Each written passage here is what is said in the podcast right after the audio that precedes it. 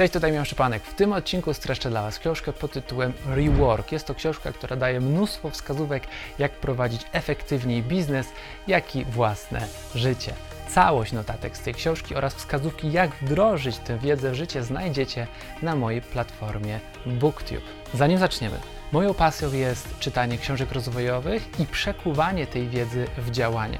Dlatego stworzyłem społeczność BookTube, czyli miejsce dla osób, które razem ze mną chcą poznawać dwie książki w miesiącu.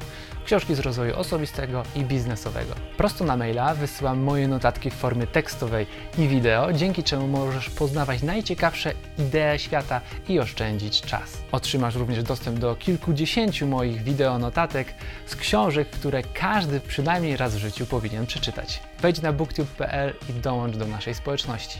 Tymczasem przejdźmy do odcinka. Pierwsza rzecz z książki.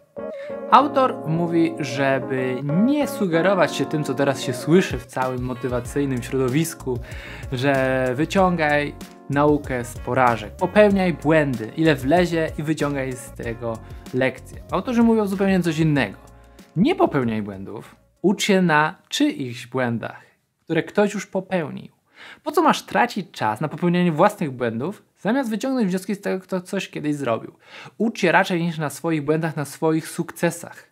Im więcej sukcesów osiągniesz, tym więcej wiesz, co działa. Po prostu każdy sukces mówi ci, co jest skuteczne.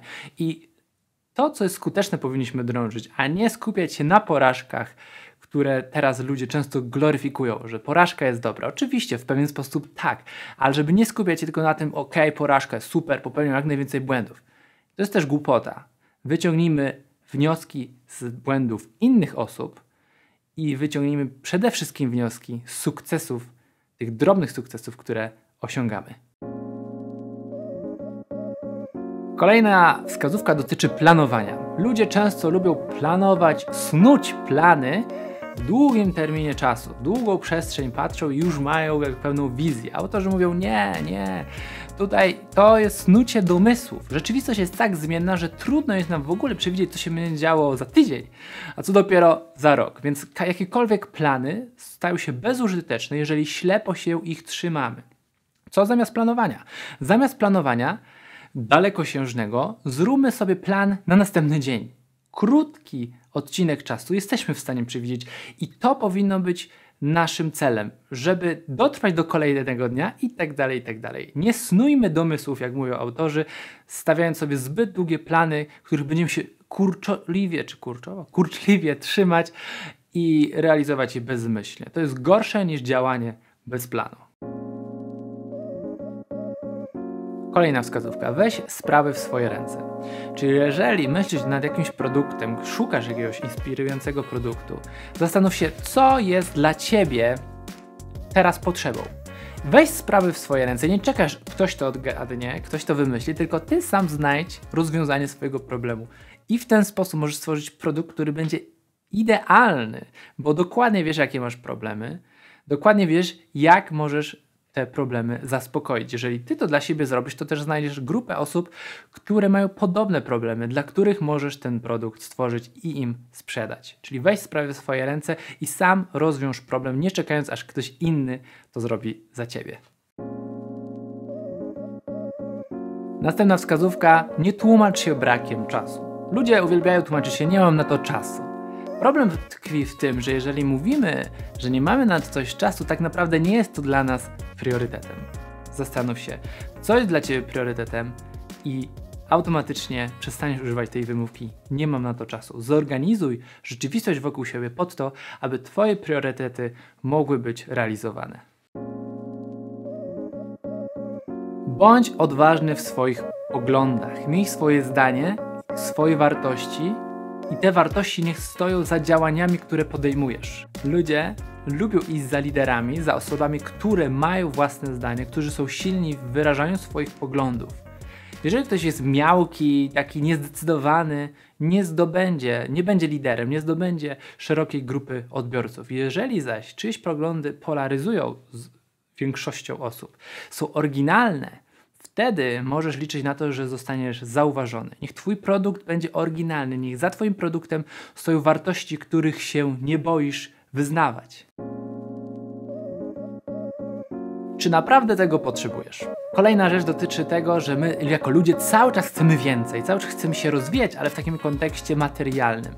I autorzy zadają pytanie, czy naprawdę tego potrzebujesz? Czy potrzebujesz nowego komputera, żeby wykonywać tę samą pracę? Czy potrzebujesz większego biura? Czy potrzebujesz większej ilości pracowników i tak dalej? Zastanów się, czy Twoje potrzeby nie są tylko zachciankami i przyjemnościami, zamiast realizować swojej mis swoją misję biznesu i tak dalej dopóki nie będziesz już miał takiego momentu, że już nie jesteś w stanie się rozwijać dalej, to nie bierz na siebie dodatkowych kosztów. Zawsze zadawaj sobie pytanie, czy to jest absolutnie konieczne dla mnie, dlatego aby moja firma istniała. Jeśli nie, nie kupuj nowego samochodu, nie kupuj e, większego biura. To są tylko koszty, które spowalniają rozwój Twojego biznesu. Im masz mniej, tym jesteś bardziej kreatywny. Kreatywność wyzwala się wtedy, kiedy musimy znajdować nietypowe rozwiązanie. Nietypowe rozwiązanie musimy znajdować wtedy, kiedy brakuje nam zasobów.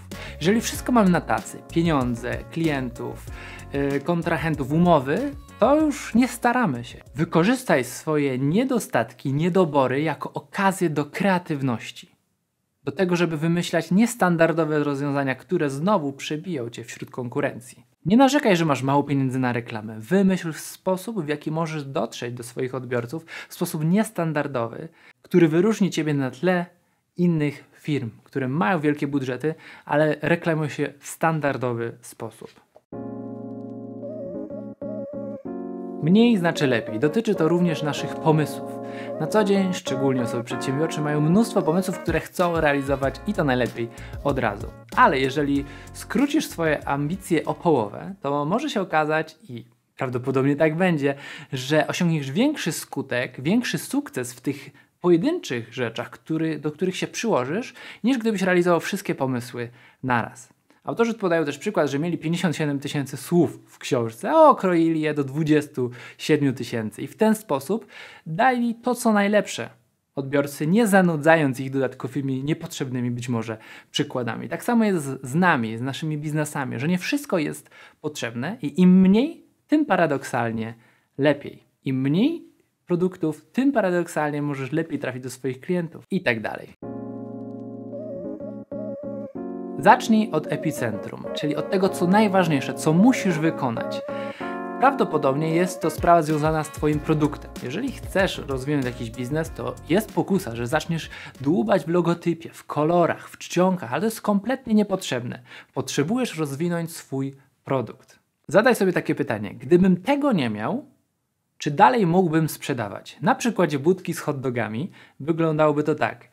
Czy jeżeli nie masz hot doga, możesz dalej prowadzić ten biznes? No nie, więc hot dog jest podstawą, ale niekoniecznie naczepa, przyczepa, którą musisz jakoś udekorować. Nawet bez tego możesz sprzedawać hot dogi. I to jest właśnie epicentrum, ta najważniejsza rzecz, którą powinieneś się zająć, którą powinieneś dopracować. Hot dog, czyli twój produkt. Na początku ignoruj szczegóły. Ludzie mają tendencję do zagłębiania się w szczegóły, szczególnie na spotkaniach, yy, różnych właśnie briefach.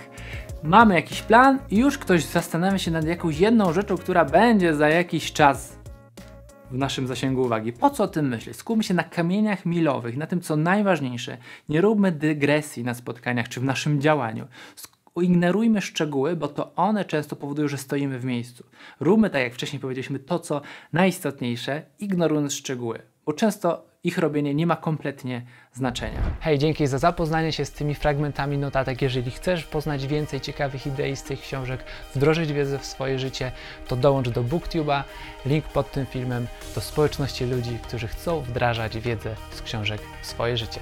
Do zobaczenia w następnym odcinku.